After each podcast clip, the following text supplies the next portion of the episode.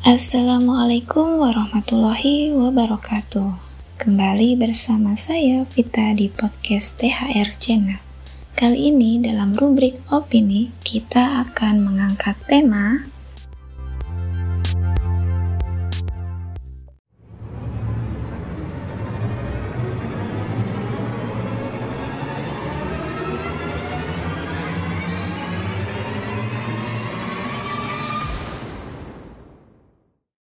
Bisnis surat PCR ilegal, krisis moral di tengah pandemi oleh Mutrofin.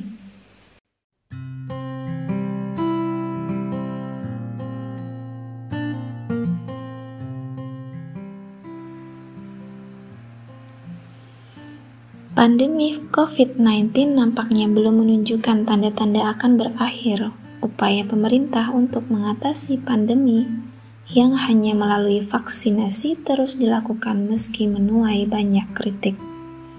Para pakar epidemiologi mengatakan bahwa vaksinasi adalah tindakan preventif yang bersifat individual dan harusnya dibarengi dengan upaya lain yang bersifat komunal melalui kebijakan lockdown total untuk mengunci virus agar tidak semakin menyebar menutup rapat pintu masuk internasional, meningkatkan tracing kasus untuk melacak, dan selanjutnya memisahkan antara orang sehat dan sakit, serta tentu saja harus didukung dengan penjaminan kehidupan mereka beserta keluarganya.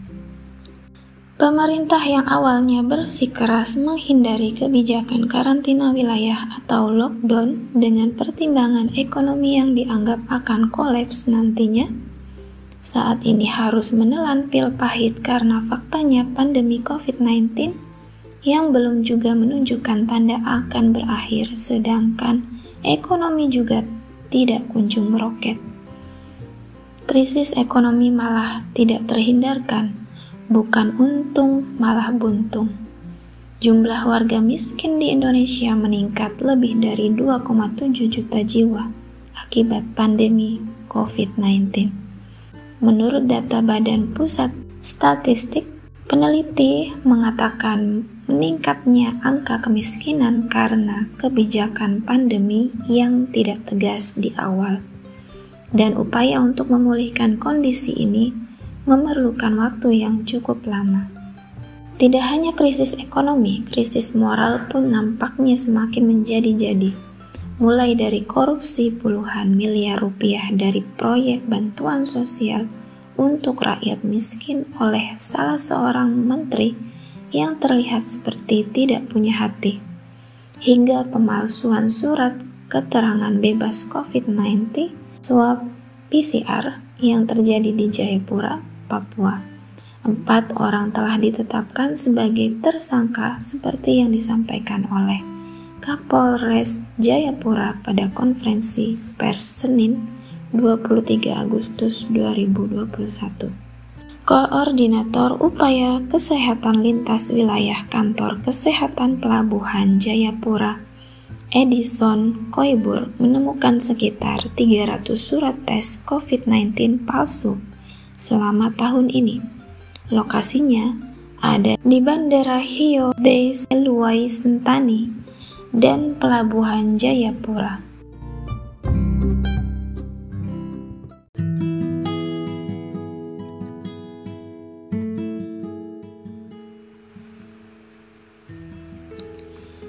Ide sekuler merusak jiwa manusia.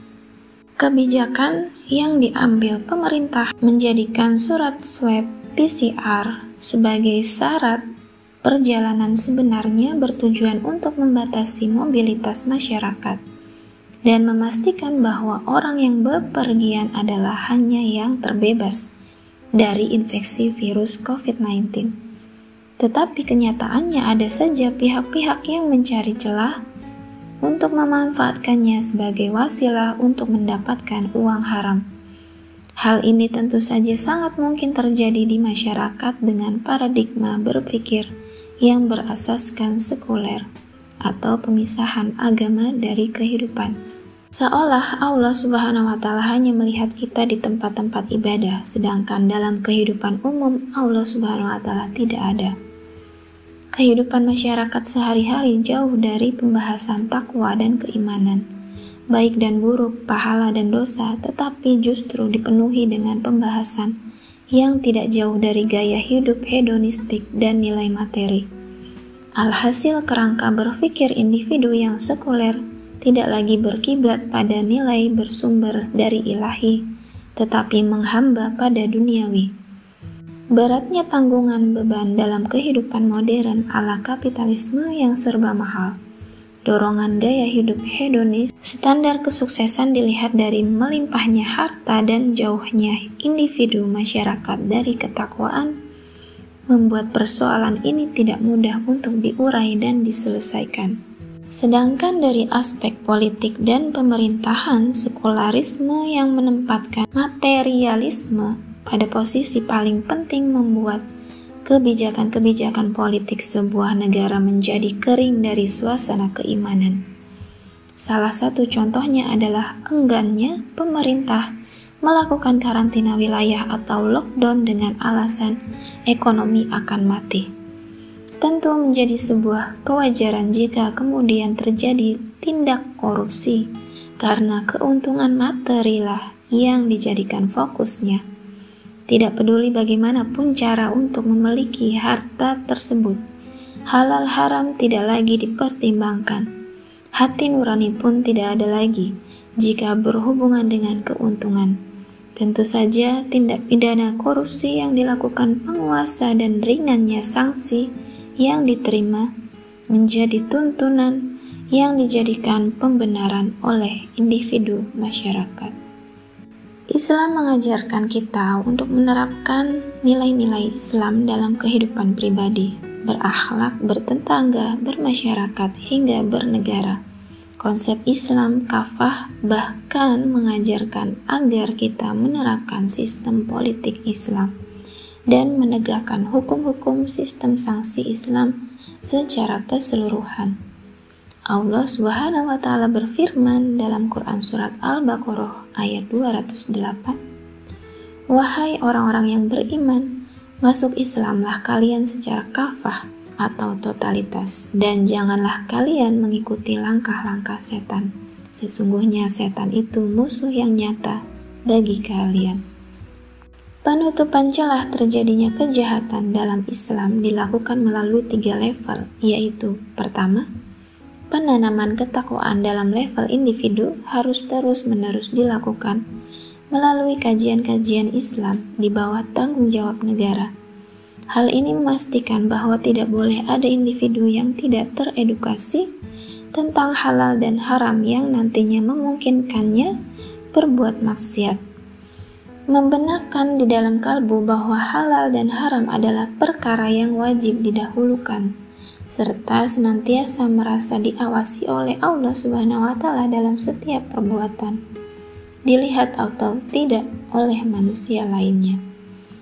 Kedua, mewujudkan masyarakat yang peduli dan senantiasa beramar ma'ruf nahi mungkar ketika melihat kemungkaran saling menasihati dalam kesabaran dan ketakwaan sehingga kejahatan tidak semakin berkembang luas. Ketiga, negara sebagai level tertinggi akan menerapkan Islam secara menyeluruh. Negara menerapkan sistem ekonomi Islam di mana harta kepemilikan umum tidak boleh dikuasai individu dan wajib dikelola oleh negara Hasil pengelolaan tersebut wajib digunakan untuk mengurusi hajat hidup rakyat, pendidikan, kesehatan, keamanan, dan sebagainya. Yang akhirnya dapat dijangkau dengan mudah dan murah, bahkan gratis. Hal lain yang tak kalah pentingnya, sikap penguasa yang bertakwa kepada Allah Subhanahu wa Ta'ala akan menjadi teladan yang sempurna bagi masyarakat. Pemimpin yang takut terhadap murka Allah Subhanahu wa Ta'ala tentu saja akan melibatkannya dalam setiap pengambilan kebijakan. Dalam situasi pandemi, misalnya, pemimpin Islam akan memutuskan penyelamatan nyawa rakyatnya. adalah yang paling utama dilakukan tanpa pertimbangan lainnya. Negara dengan mekanisme distribusi baitul mal akan memenuhi kebutuhan masyarakat yang terlockdown, sehingga tidak khawatir terjadi kelaparan. Hal ini memiliki poin cukup besar dalam upaya menurunkan faktor resiko semakin meluasnya wabah dan juga terhadap tindakan pencarian uang melalui jalan yang haram. Negara juga menerapkan sanksi yang sangat tegas melalui takzir agar para pelaku kejahatan bisa jera serta memiliki efek warning bagi orang yang belum melakukannya. Hukumannya bisa berupa kurungan penjara hingga hukuman mati, bergantung pada beratnya kasus melalui timbangan syariat yang diputuskan oleh khalifah. Penerapan sistem yang sempurna yang berasal dari Allah Al-Mudabir tentu akan menghasilkan harmonisasi kehidupan manusia, baik muslim maupun non-muslim. Wallahu alam bisawab.